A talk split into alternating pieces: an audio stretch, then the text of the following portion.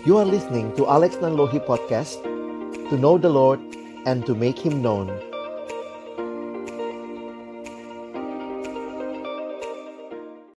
Mari teman-teman sekalian, sebelum kita membaca merenungkan firman Tuhan, mari kita berdoa. Kami datang dalam ucapan syukur hari ini ya Tuhan, karena sungguh Engkau baik dan Engkau menyatakan kebaikan-Mu bagi kami. Di tengah-tengah apa pun yang menjadi pergumulan kami, kami bersyukur karena Tuhan hadir. Dan saat ini, Tuhan memberi kesempatan bagi kami untuk bersama-sama beribadah, memuji, memuliakan namamu, dan tiba waktunya bagi kami untuk membuka firman-Mu ya Tuhan. Kami akan membuka firman-Mu, bukalah juga hati kami, jadikanlah hati kami seperti tanah yang baik, supaya ketika benih firman Tuhan ditaburkan boleh sungguh-sungguh berakar, bertumbuh, dan juga berbuah nyata di dalam kehidupan kami. Berkati baik hambamu yang menyampaikan setiap kami yang mendengar.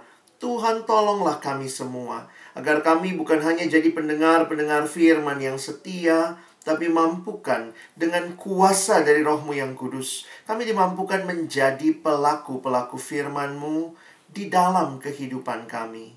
Di dalam masa muda kami. Bersabdalah ya Tuhan, kami anak-anakmu sedia mendengarnya.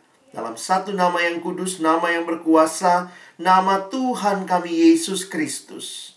Kami menyerahkan pemberitaan firman-Mu. Amin. Shalom teman-teman, selamat pagi. Bersyukur kepada Tuhan buat kesempatan ini. Saya Alex Nanlohi dan hari ini kita akan melihat bagian firman Tuhan yang juga akan jadi perenungan kita dengan tema The New Beginning. Saya boleh share screen ya. Jadi saya berharap melalui apa yang kita sama-sama pikirkan, renungkan pagi hari ini, Tuhan berbicara sekali lagi secara pribadi kepada setiap kita. Nah, teman-teman, karena itu saya ingin mengawali mengajak kita untuk bersama-sama uh, ini ya, melihat apa yang menjadi bagian yang firman Tuhan sampaikan buat kita. Nah, kita bicara tentang the new beginning. Nah, teman-teman, um, Kak Alex ingin memulai dengan mengenal teman-teman ya. Tentu gimana mengenalnya ya kita dengan kondisi seperti ini. Tapi mari kita coba sharing ya. Teman-teman kita sharing dengan singkat saja. Silahkan di kolom chat teman-teman dalam waktu hanya satu menit ya. Nah, coba bagaimana perasaan teman-teman? Kira-kira seperti apa sih perasaanmu mengawali kuliah. Nah, di sebelahnya ada berbagai emoticon ya, ada berbagai emosi. Silahkan baik kalian yang angkatan baru maupun yang angkatan lama, coba sama-sama ekspresikan. Boleh pilih maksimal dua lah ya, supaya kira kira-kira apa sih yang mewakili perasaanmu saat ini? Silakan teman-teman, satu menit ya. Oke, kita tunggu. Uas, ada yang nomor 2. nomor 5 sama 6. Oke, silakan. Teman-teman. Oke, wow, udah banyak nih ya. Ini emosinya macam-macam nih. Uh, Oke, okay. mungkin Kak Alex ingin kita dengar kali ya sedikit lah penjelasan kenapa pilih emosi itu ya. Tentu nggak nggak usah jelasin panjang-panjang. Kasih tahu aja kenapa sih. Uh, saya pilih aja ya teman kita Felix. Felix Arion Sianipar. Felix kalau bisa dengar nyalain mic-nya sebentar. Kenapa dek pilihnya itu? Nomor 2 sama 6 ya. Uh. Gitu ya. Oh, oke. Okay.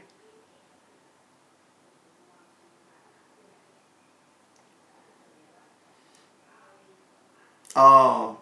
Felix ada di mana sekarang? Oh, Bekasi ya. Jadi belum ke Jogja ya.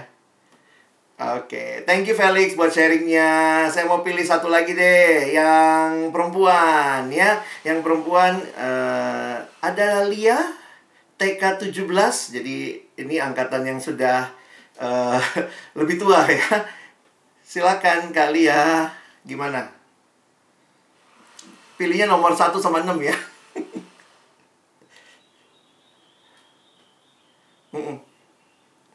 Yeay. Hmm. Oh. Oke ya, mahasiswa ya. Thank you Lia sharingnya. Nah, teman-teman, um, ya banyak emosi yang kita rasakan khususnya dengan berbagai perubahan ini ya di tengah-tengah pandemi apalagi kalau kita tahu bahwa ternyata ini bukan hanya masalah kesehatan saja sudah jadi masalah ekonomi, masalah sosial, masalah pendidikan gitu ya sampai berpengaruh pada pendidikan teman-teman, bahkan juga masalah spiritual, kita ibadah di rumah. Tapi di tengah-tengah situasi seperti itu kiranya kita bisa melihat the new beginning ya. Ketika ada Tuhan di dalam hidup kita seharusnya apa pun yang kita alami, apa pun yang jadi pergumulan kita, kita boleh mengalami ketenangan di dalam Tuhan.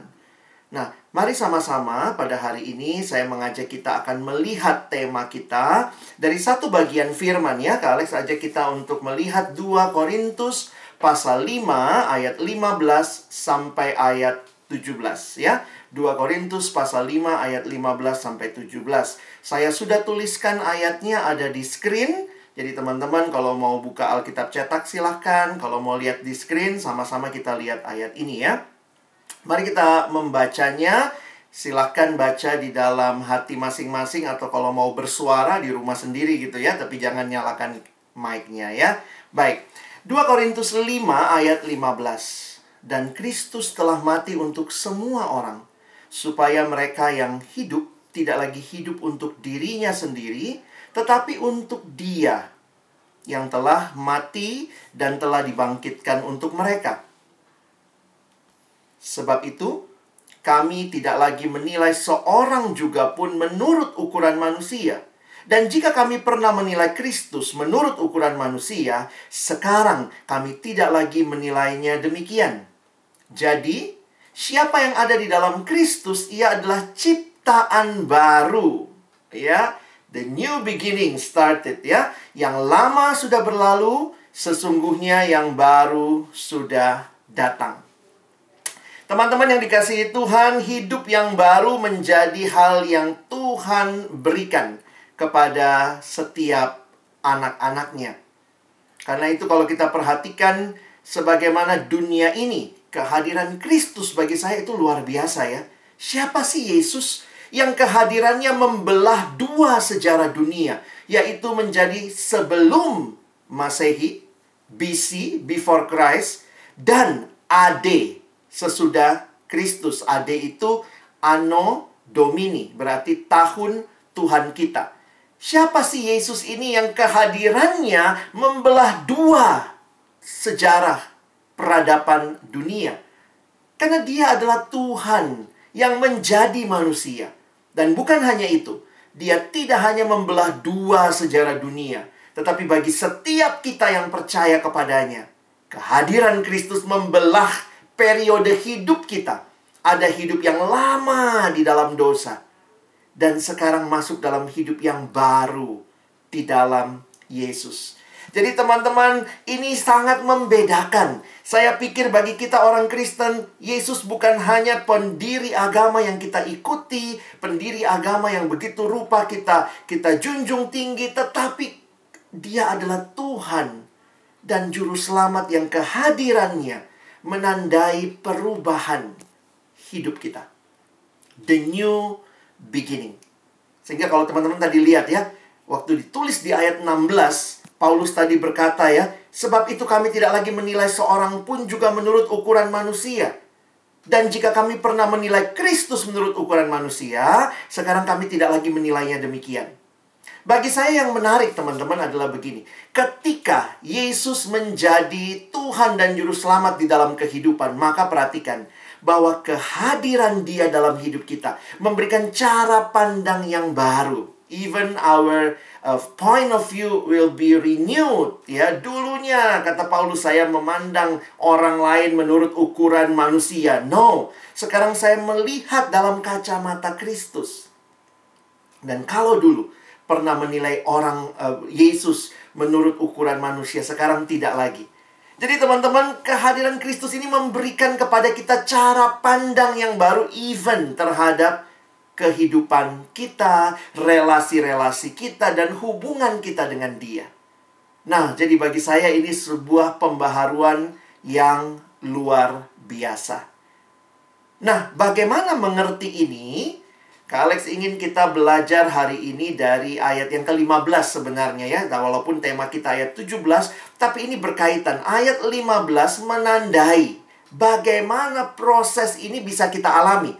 Kan tentunya kita mau lah ya. Di dalam Kristus kita adalah ciptaan baru ya kayak ayat ini. Ciptaan baru yang lama sudah berlalu, sesungguhnya yang baru sudah datang. Tapi bagaimana kita mengalami ini?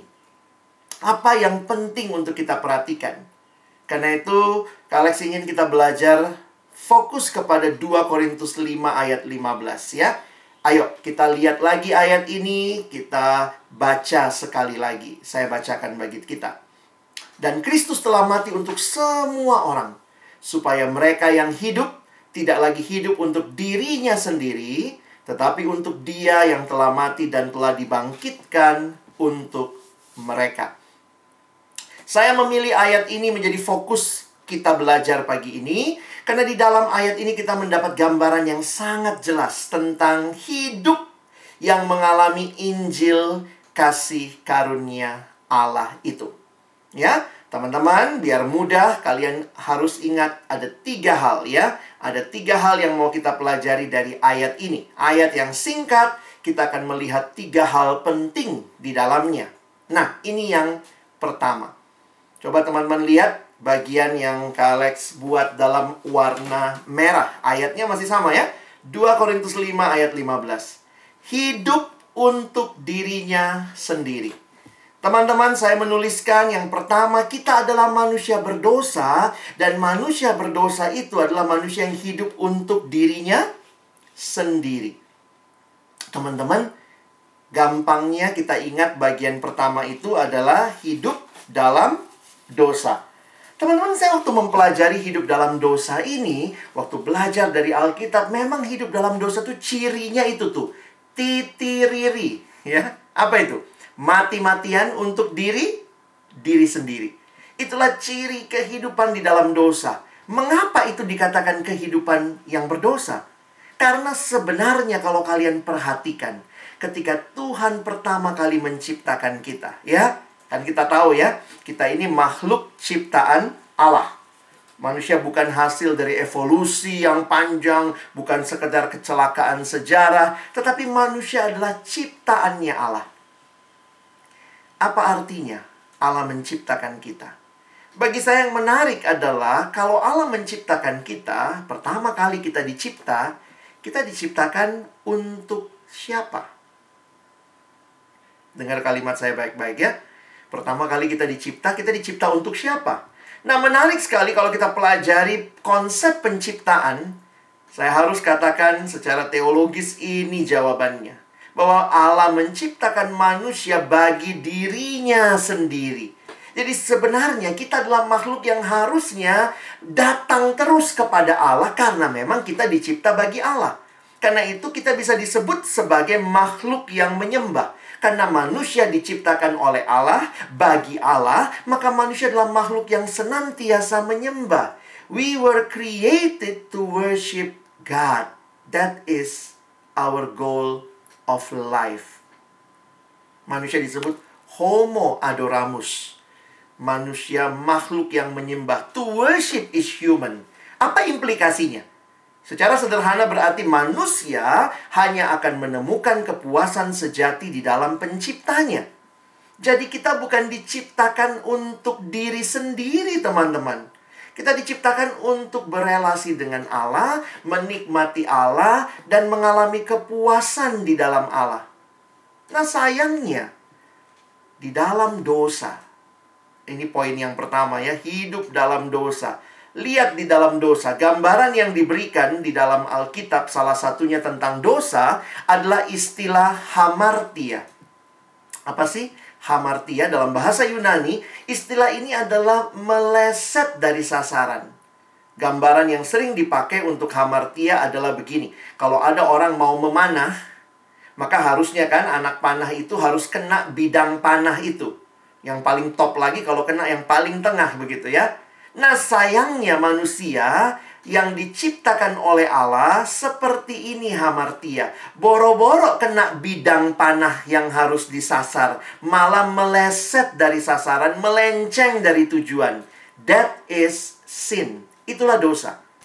Apa yang dimaksud dengan dosa? Dosa adalah tidak mencapai target Allah, tidak mencapai tujuan Allah. Bayangkan, tadi kita tuh dicipta untuk memuliakan Allah. Kita dicipta untuk berelasi dengan Allah, tapi lihat apa yang terjadi dalam dosa.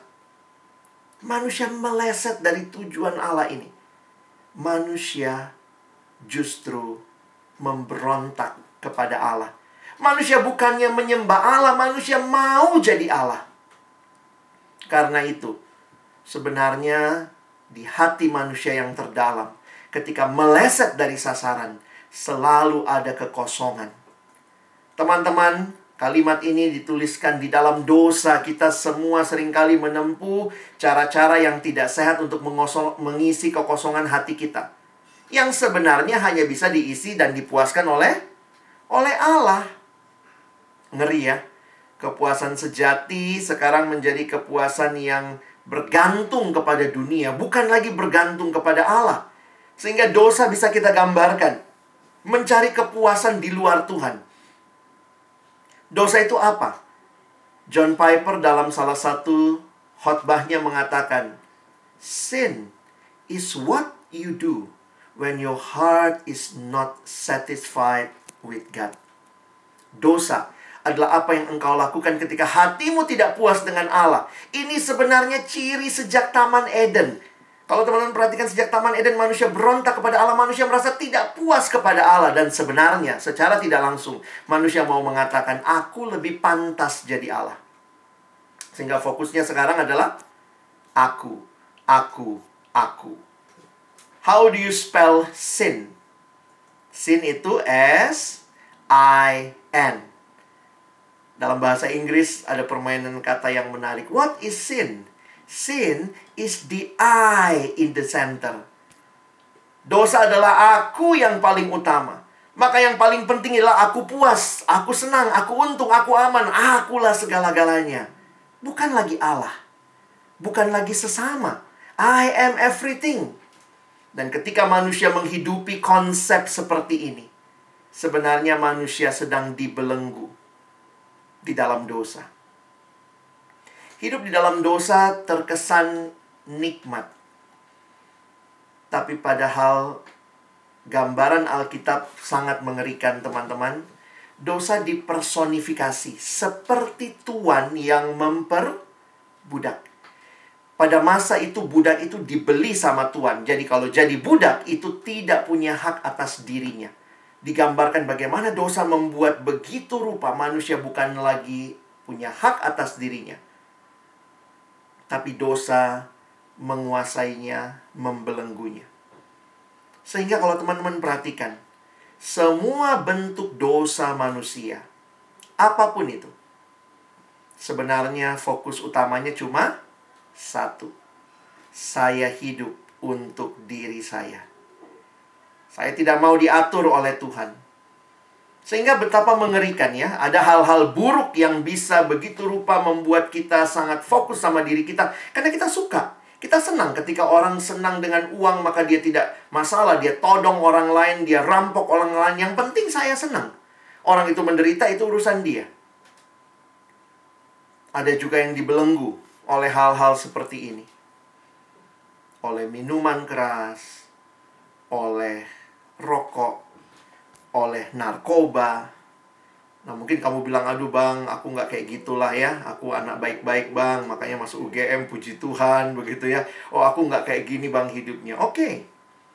mungkin hal-hal buruk bisa tidak kamu lakukan. Tapi saya juga harus kawat, uh, harus mengingatkan ya, hati-hati ada hal-hal baik yang kalau kita tidak gunakan dengan tepat itu malah membelenggu dan sama juga efeknya. Akhirnya kita fokus kepada diri kita sendiri. Contoh, ini baik apa tidak? Ya punya handphone baik lah bang, hari ini kita bisa zoom bareng kan ada handphone ya. Tapi ketika engkau diikat oleh handphone itu, handphone menjadi segala-galanya. Sehingga memang menarik ya. Katanya ini smartphone. Tapi kok bagi saya juga banyak orang yang jatuh dalam dosa justru karena smartphone. Have a smartphone but not smart. Hati-hati. Jadi mungkin untuk generasi teman-teman harus bisa membedakan ya. Apakah kamu orang yang memakai teknologi, memakai berbagai hal, atau kamu sudah mulai kecanduan hal itu? Beda ya. Kamu harusnya jadi pemakai dalam arti menggunakan dengan tepat, dengan bijak, bukan menjadi orang yang kecanduan.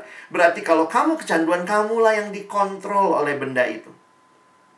Tapi ini realita yang kita alami, betapa mudahnya ikatan-ikatan yang sebenarnya fokusnya apa? Sejak Taman Eden sama. Aku yang menguasai segala-galanya. Sehingga ya belanja hal yang baik, tapi ketika belanja jadi segala-galanya, belanja, belanja jadi kecanduan begitu. Apalagi sekarang gampang banget gitu ya. Di rumah kita bisa pencet tombol sana sini. Kita bisa belanja online. Tentu online shopping itu salah satu solusi bagi situasi seperti ini. Tapi apakah kita jadi kecanduan belanja? Bahkan tidak bisa membedakan mana yang kita butuhkan. Beberapa kali ketika bertemu dengan perempuan-perempuan atau teman-teman atau laki-laki juga sama gitu ya. Beli benda kenapa? Ih lucu kak, lucu. Jadi belinya kenapa? Karena lucu. Butuh? Nggak butuh-butuh amat sih, tapi tasnya lucu gitu ya. Eh sepatunya cute gitu. Um, saya harus katakan sehingga saya bertemu dengan satu cerita di mana seorang anak SMP rela jual dirinya supaya bisa beli handphone terbaru itu sudah jadi kecanduan. Sudah menjadi sesuatu yang begitu rupa membelenggu. Jadi hati-hati. Mesti bisa lihat ya. Ini juga nih. Nah, gimana nih? Teman-teman ada penikmat drakor? ya. I'm so tired but I can stop watching apalagi lagi di rumah begini ya. Woi, kayaknya gampang banget begitu. Uh, serinya kan bisa cepet gitu ya kita mau terus nonton begitu. Sehingga ya balik lagi teman-teman penikmat aja orang yang menikmati atau sudah menjadi orang yang kecanduan itu beda sekali ya.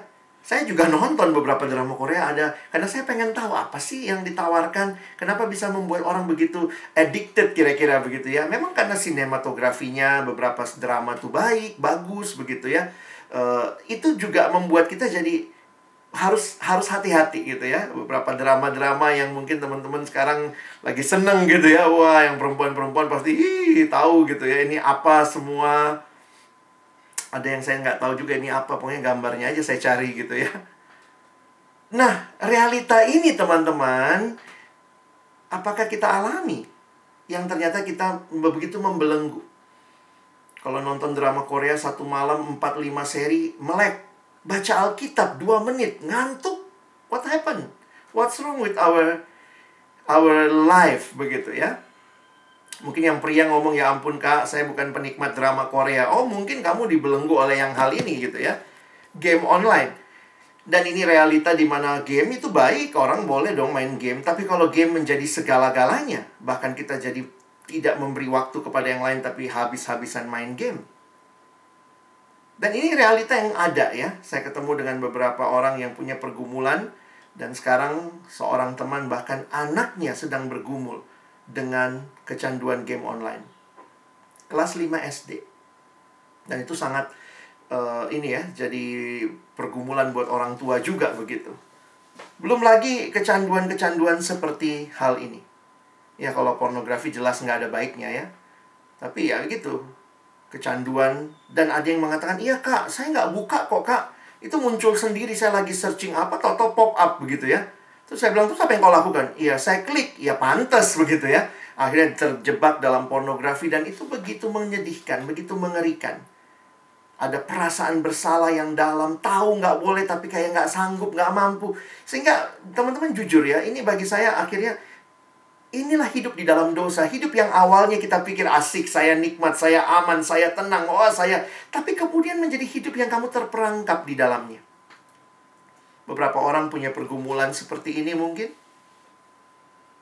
Beberapa orang bergumul dengan um, orientasi seksual dan kemudian sekarang juga mengalami pergumulan dan orang mengatakan, oh nggak apa-apa, ikutin aja, just follow your heart, ikutin hatimu. Kalau kamu pengen seperti itu, ya lakukan saja. Tapi apakah itu nilai kebenaran dalam Alkitab? Alkitab tidak pernah mengatakan follow your heart. You need to follow God's word. Karena hati kita ini sudah tercemar dosa.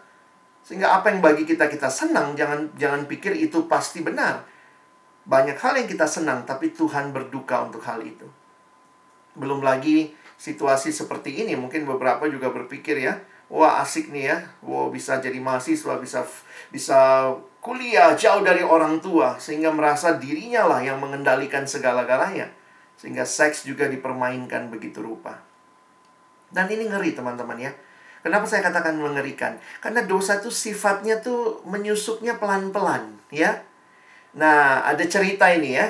Kalau di padang gurun, di padang gurun itu katanya siangnya kan panas banget dan malamnya dingin sekali. Jadi misalnya nih ada orang Arab gitu ya siang dia jalan sama untanya mereka sama-sama gitu lalu kemudian waktu malam biasanya kan dia dirikan tenda lalu kemudian yang uh, orang Arabnya ini tidur di dalam tenda. Nah uh, ini triknya kalau ada unta karena mungkin dia kedinginan di luar unta maka dia biasanya akan memasukkan kepalanya ke bawah tenda. Nah itu triknya kalau dia udah masukin kepalanya harus langsung diusir. Jangan biarin gitu ya. Aduh kasihan si unta. Ya nggak apa-apa cini cini cini nggak gitu ya. Karena kalau dia udah masukin kepalanya, nggak lama nanti dia masukin lehernya. Terus nggak lama lagi dia masukin punggungnya, punuknya. Nggak lama lagi dia masukin seluruh badannya sampai kaki belakangnya. Nanti lama-lama tuh Arab yang di luar, untanya yang di dalam, begitu ya. Jadi triknya katanya begitu dia masukkan kepala langsung usir. Nah, ini gambaran yang yang benar tentang dosa ya. Hati-hati. Dosa itu menyusup perlahan-lahan. Kita mulai berontak kepada Allah secara sadar dan perlahan. Terjadinya memang pelan-pelan. Sehingga kadang kita nggak menyadari dampaknya yang begitu menghancurkan. Di dalam dosa, ingat, fokusnya siapa? Diri sendiri. Sehingga di dalam dosa orang mulai kehilangan rasa hormat terhadap diri sendiri. Kehilangan kemampuan untuk berpikir sehat. Tahu sih rokok itu nggak baik. Tapi nggak bisa berhenti. Nah itu tuh, lucu ya. Nggak, nggak bisa berpikir sehat. Udah jelas-jelas ditulis di situ. Kemampuan, kehilangan kemampuan untuk berkata jujur. Karena dalam dosa selalu ada kebohongan. Saya ingat ada remaja ketika ketahuan orang tua mamanya bilang, siapa punya visi di porno ini? Eh, tahu. Oh mungkin si om kali. Langsung yang dikatakan orang lain lagi begitu. Kita kehilangan kemampuan untuk memberi. Kenapa? Karena kita selalu mencari apa buat saya. Sehingga boro-boro memberi. Kemampuan untuk mengasihi, kemampuan untuk hidup kudus. Sehingga dosa membawa ketidakpastian, rasa bersalah, kosong, frustasi, keterikatan. Awalnya nikmat, tapi bawa sengsara. Tidak heran Alkitab dengan tegas dan jelas Paulus berkata, upah dosa ialah maut. Teman-teman hidup kayak begini apa yang indah? Hidup untuk diri sendiri, padahal kita itu default settingnya, settingan awalnya bukan hidup untuk diri sendiri. Kita harus hidup untuk Allah yang menciptakan kita. Karena we were created by God and for God. Upah dosa adalah maut. Apa yang kita bisa lihat dari situasi ini? Kayak nggak ada harapan. No way out. This is our final destination. Tapi kembalilah, di sinilah kita melihat kepada pencipta kita. Allah yang menciptakan kita bukan Allah yang lepas tangan, angkat tangan, cuci tangan waktu kita berdosa. Tapi apa yang terjadi? Ketika saya melihat gambar ini pertama kali, coba teman-teman lihat gambar ini baik-baik. Ini gambar apa? gambar ini di dalam kalau kalian googling, judulnya Peter Drowning. Ini ilustrasi gambaran Petrus tenggelam. Ini dari sudut pandang Petrus. Jadi kalau kalian bayangkan Petrusnya itu di dalam air, lagi tenggelam, dia lagi lihat ke atas. Lalu di atas ada Tuhan Yesus di atas air yang mengulurkan tangannya. Jangan salah lihat ya kan. Jangan pikir ini oh Yesusnya yang tenggelam ya, bukan ya. Ini justru Petrusnya yang tenggelam, ya. Dan waktu saya melihat gambar ini, pertama kali saya lihat, teman-teman jujur saya terharu, saya nangis. Gambar ini mengingatkan dosa begitu mengerikan dan manusia tidak dapat menyelamatkan dirinya sendiri. Karena itulah Yesus datang menyelamatkan kita. Thanks to God. Dosa itu masalahmu. Dosa itu masalahku. Tapi solusinya dari siapa? Bukan dari kita. Kalau kita bisa selesaikan dosa kita, Yesus nggak usah datang. Justru karena engkau dan saya tidak sanggup menyelesaikan dosa, Yesus harus datang. Jesus Christ is the God solution. Sin is our problem, but the solution is not from us. It's from God Himself. He sent His one and only Son. So if you are searching for the answer to life, Jesus, you have found Him. Nah, teman-teman, hal ini yang membawa kita kepada bagian yang kedua. Sekarang kita lihat bagian yang kedua.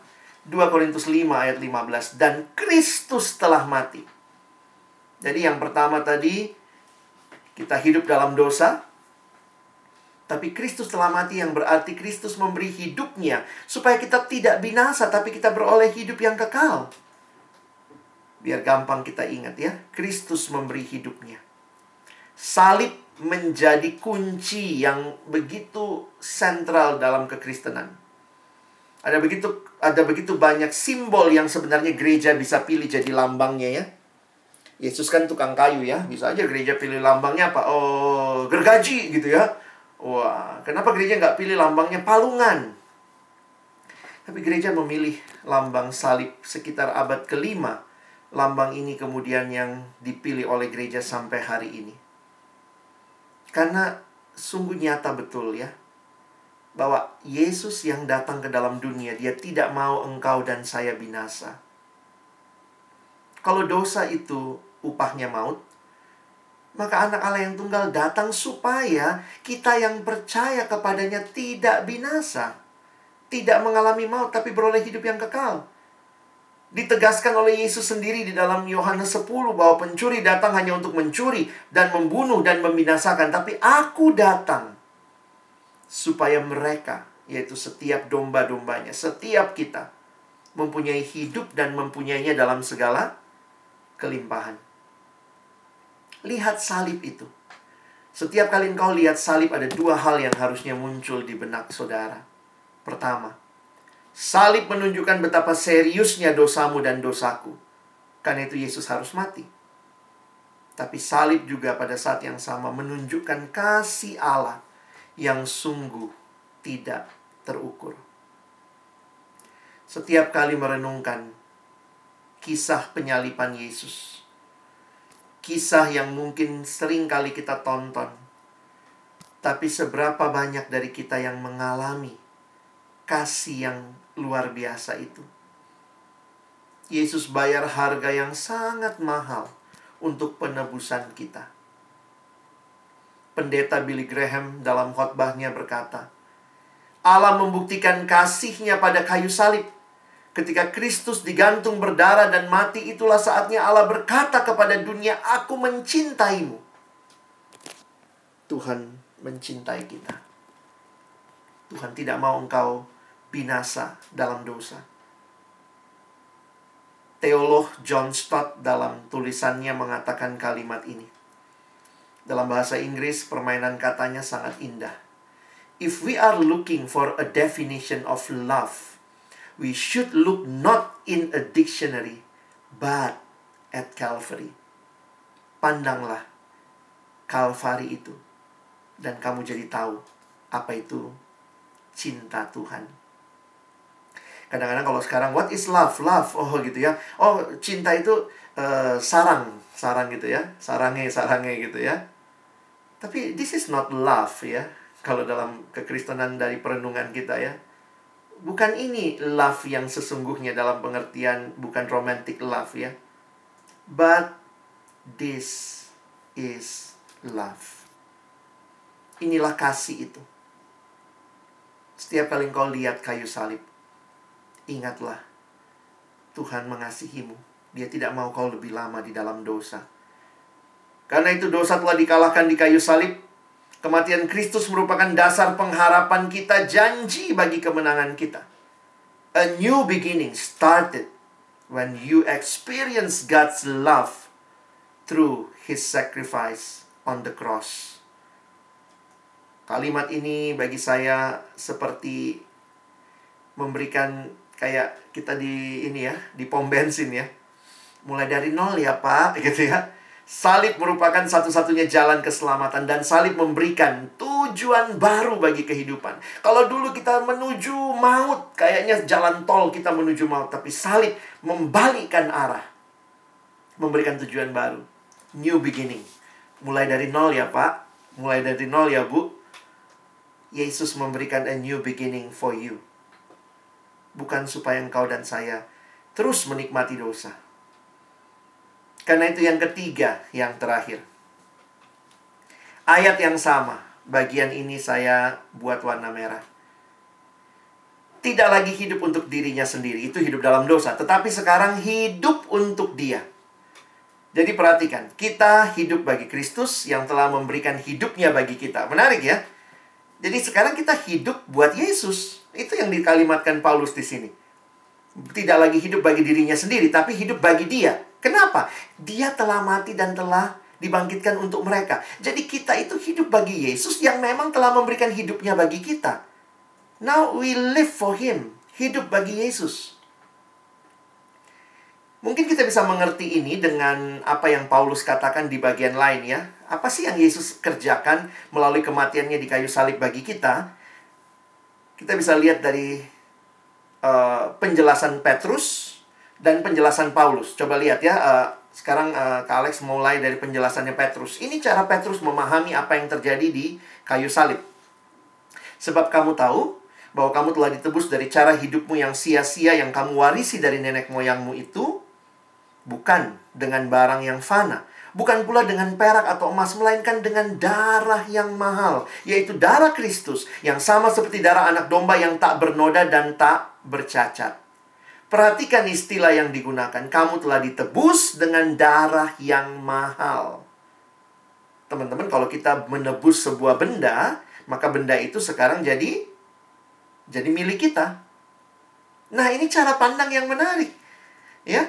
Aku itu yang telah percaya pada Yesus, dia sudah mati bagiku, ya aku telah dibayar lunas dengan darah yang mahal tadi. Nah, Paulus menjelaskan lebih jauh sebab kamu telah dibeli dan harganya telah lunas dibayar. Karena itu, kata Paulus, muliakanlah Allah dengan tubuhmu. 1 Korintus 6 ayat 20.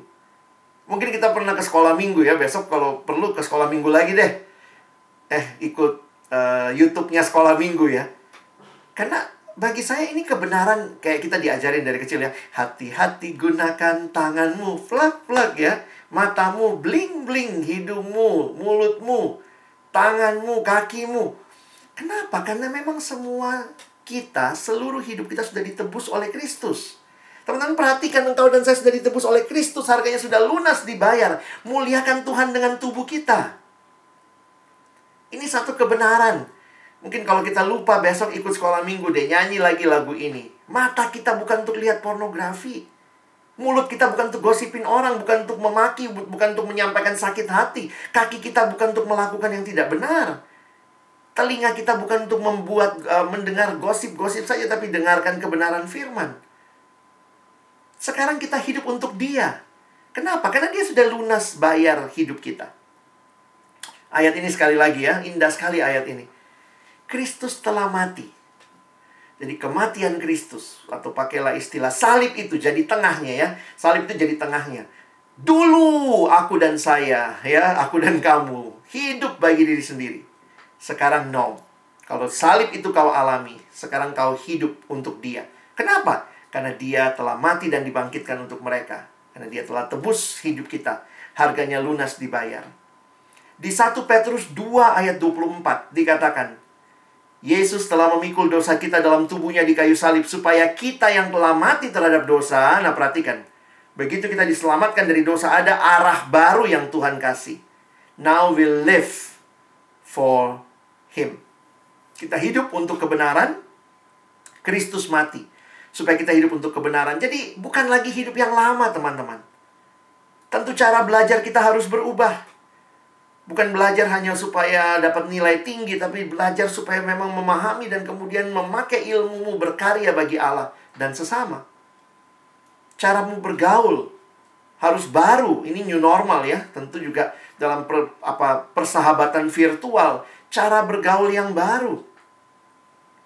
Bagi saya kayaknya simple gitu ya. Tapi apakah kita bergaul untuk memuliakan Tuhan, membawa pengaruh yang baik? Bukan saling kompromi untuk ayo udahlah kita copy paste aja lah tugas kita ya. Ya udahlah kita capek juga belajar kayak begini gitu. Caramu berpacaran kalau kamu sudah punya pacar. Ini kalimatnya menarik. True love waits ya. Cinta yang sejati itu menunggu. Ada kalimat di bawahnya tuh yang kecil. Nah itu mesti digedein tuh. Zoom itu ya. Save it until marriage. Bukan lagi pacaran sekedar memuaskan hawa nafsu. Saya kaget waktu lihat ada ayat di Alkitab kan 1 Korintus 10. Baik engkau makan maupun engkau minum, lakukanlah untuk kemuliaan Allah. Gila, bagi saya ini hal yang receh banget. Makan, minum, itu kan kayaknya receh banget. Itu pun buat kemuliaan Allah. Masa pacaran sembarangan? Masa pacaran untuk kepuasan kita? Harusnya kita untuk memuliakan Allah. Save it until marriage. Banyak orang mulai main-main sama love buka kado sebelum ulang tahun itu sedih ya. Tapi simpan itu karena itu kudus, itu harus dipersembahkan kepada Tuhan di altar pernikahan. Jadi hari ini apa yang kita pelajari? Dari ayat yang singkat, bagaimana mengalami hidup yang baru? Bagaimana mengalami the new beginning? Maka ingat tiga hal tadi ya. Pertama, manusia hidup dalam dosa hanya bagi dirinya sendiri. Tapi apa yang terjadi? Kristus memberi hidupnya. Dan karena Kristus memberi hidupnya, sekarang saya dan saudara hidup bagi Kristus. Teman-teman yang dikasihi dalam Tuhan, apa respon kita? Kalau kehadiran Kristus membagi dua sejarah dunia, harusnya waktu kehadiran Dia di hidup kita juga membelah dua hidup kita, menandai periode yang baru maka buka hatimu, terima Yesus dalam hidupmu. Mungkin kau bilang, apa sih bang, terima Yesus? Banyak orang merasa karena sudah Kristen, ya sudah ngapain saya terima Yesus? Saya juga punya pengalaman, pemahaman seperti itu awalnya. Saya dari kecil Kristen, saya sudah ke gereja, saya orang yang ya saya hidup dalam dalam persekutuan gereja, banyak aktivitas, tapi saya sadar saya masih juga menikmati dosa dan belum benar-benar mengalami perubahan. Jadi saya cuma Kristen KTP, teman-teman. Kristen tanpa perubahan. Kristen KTP, Kristen tanpa pertobatan. Atau boleh dikata Kristen kenapa ya? Kristen karena kelahiran. Papaku Kristen, mamaku Kristen, masa aku agama lain gitu ya. Sampai ketika satu kebaktian saya dibukakan tentang firman Tuhan dan di situlah saya mengerti apa artinya terima Yesus.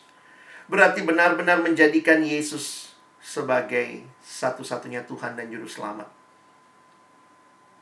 Belum tentu engkau dan teman-teman ya di tengah-tengah hidupmu walaupun kau sudah Kristen tapi kau benar-benar ngalamin perubahan. Jangan-jangan kita cuma Kristen KTP. Kristen yang masih menikmati dosa, Kristen yang tanpa perubahan dan bukan itu yang Tuhan mau. That is not the new beginning. Saya melihat ada dua hal sebagai penutup apa yang bisa kita pahami dengan menerima Yesus. Yang pertama, menerima Yesus itu berarti percaya Yesus satu-satunya Tuhan dan Juru Selamatmu pribadi. Banyak orang ngakunya Yesus Juru Selamat Tuhan. Hari Minggu ke gereja, tapi hari lain kalau ada kesusahan, ke dukun. Siapa yang kau percaya? Jangan mempermainkan Tuhan. Terima Yesus dan katakan dalam dirimu, Tuhan mulai hari ini, there is no other God. Tidak ada Tuhan yang lain. Engkaulah satu-satunya Juru Selamatku. Engkaulah Tuhanku tidak ada yang lain. Percaya penuh. Dan percaya itu ditunjukkan dengan penyerahan diri. Seperti seorang anak yang berserah kepada orang tuanya. Ya, percaya. Percayakah engkau bahwa Yesus bisa membawamu kepada keselamatan? Bukan hal yang lain. Dan yang kedua, tunjukkan perubahan hidup, tunjukkan pertobatan. Jadi bukan hanya percaya tapi juga bertobat. Dalam kalimat Paulus pakai istilah menanggalkan dan mengenakan. Dia pakai gambaran seperti ganti baju, menanggalkan dan mengenakan. Makanya bukan meninggalkan ya. Di bagian lain dia bilang meninggalkan. Tapi waktu Efesus 4, Paulus katakan seperti dia membuka baju yang lama dan mengenakan baju yang baru. Itu hidup yang baru. Hidup yang bisa berkata tidak kepada dosa. Dan teman-teman saya ingat kalimat pendeta Stephen Tong ini. Tuhan Yesus menolak dosa terkecil dan menerima pendosa terbesar. Jangan teman-teman pikir, aduh Tuhan aku ini sangat berdosa, nggak mungkin lah Tuhan bisa selamatkan aku. Dia menerima pendosa terbesar, tapi juga Tuhan tahu dosa kita yang paling kecil yang harusnya kita datang kepada dia. Kalimat Mazmur ini memberikan ketenangan. Dosaku kuberitahukan kepadamu dan kesalahanku tidaklah kusembunyikan. Aku berkata, aku akan mengaku kepada Tuhan pelanggaran-pelanggaranku. Dan, nah saya senang kalimat ini ya dan engkau mengampuni kesalahan karena dosaku. Tuhan tidak mempermalukan kita yang datang, menyesali hidup kita, tapi Dia berjanji mengampuni kita. Sehingga mari kita bisa berkata tidak kepada dosa, no to sin, but we will say yes to God. Miliki komitmen untuk berubah. Bukan lagi engkau sebagai tuan atas hidupmu. Let God direct your life story. Komitmen untuk berubah. Komitmen untuk hidup berbeda dengan dunia, bukan ikut apa yang dunia mau. Dan kita bersyukur. Kesempatan ini Tuhan berikan bagi kita meresponi firman-Nya. Teman-teman bersyukur di kampus kita tidak hanya punya kesempatan belajar, tapi Tuhan hadirkan ya PMK teknik untuk membangun engkau menjadi murid Tuhan yang sejati. Karena karena itu hari ini let's start a new beginning. Jika engkau belum pernah berpikir serius tentang siapa Yesus buat hidupmu. Setelah kau mengerti firman Tuhan hari ini, maukah engkau buka hatimu? Percaya bahwa hanya Yesus satu-satunya Tuhan dan Juru Selamat. Maukah engkau tinggalkan dosamu dan hidup hanya bagi Tuhan? Kau berkata, Tuhan, di sini saya. Saya mau memulai the new beginning with you. Alex ingin kita dengan tenang. Kalau mungkin di sekitarmu agak berisik, coba konsentrasi atau cari tempat yang lebih tenang. Dan mari ambil waktu secara pribadi berdoa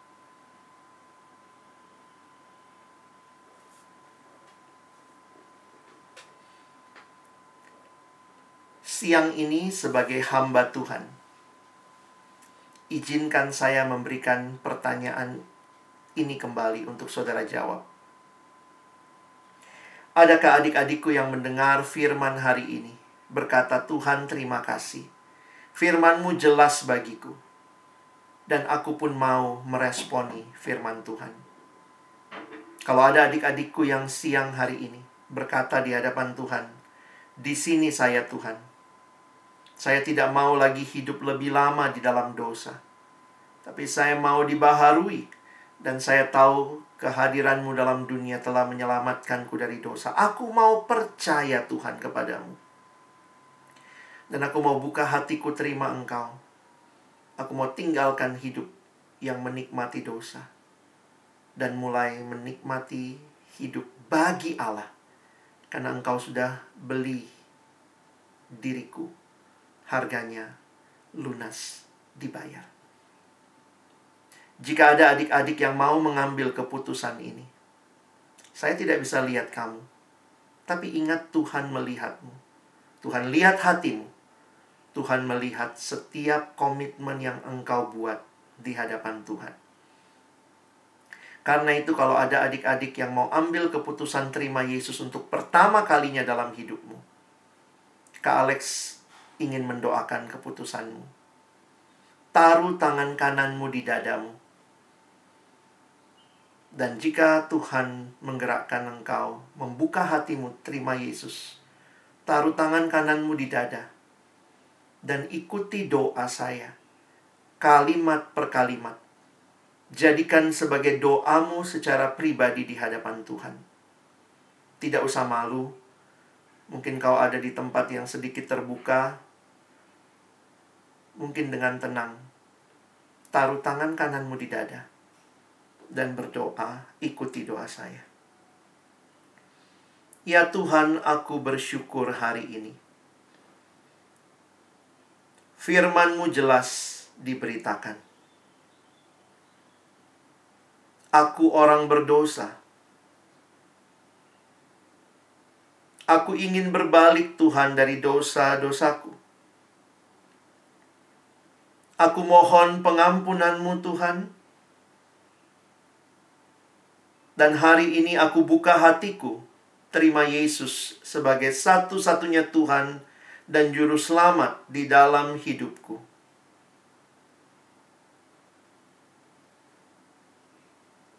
Aku percaya bahwa Yesus Kristus adalah putramu. Aku percaya Yesus telah mati untuk dosa-dosaku Tuhan, tolonglah aku menjalani hidup yang baru bersamamu. Bukan hidup untuk diri, tapi hidup untuk Engkau. Terimalah hidupku, terimalah komitmenku. Di dalam nama Tuhan Yesus aku berdoa. Amin. Kiranya Tuhan meneguhkan keputusan teman-teman dan nanti ada kesempatan kiranya kita juga boleh saling mendoakan, saling sharing dan diteguhkan dalam Tuhan. Bagi teman-teman yang sudah pernah terima Yesus, biarlah engkau dibaharui sekali lagi sehingga ketika engkau lihat apa yang sudah Tuhan lakukan bagimu. Mari terus hidup bagi Dia. Berikan hidupmu yang terbaik hanya bagi Tuhan. Let us start the new beginning with Jesus. Amin.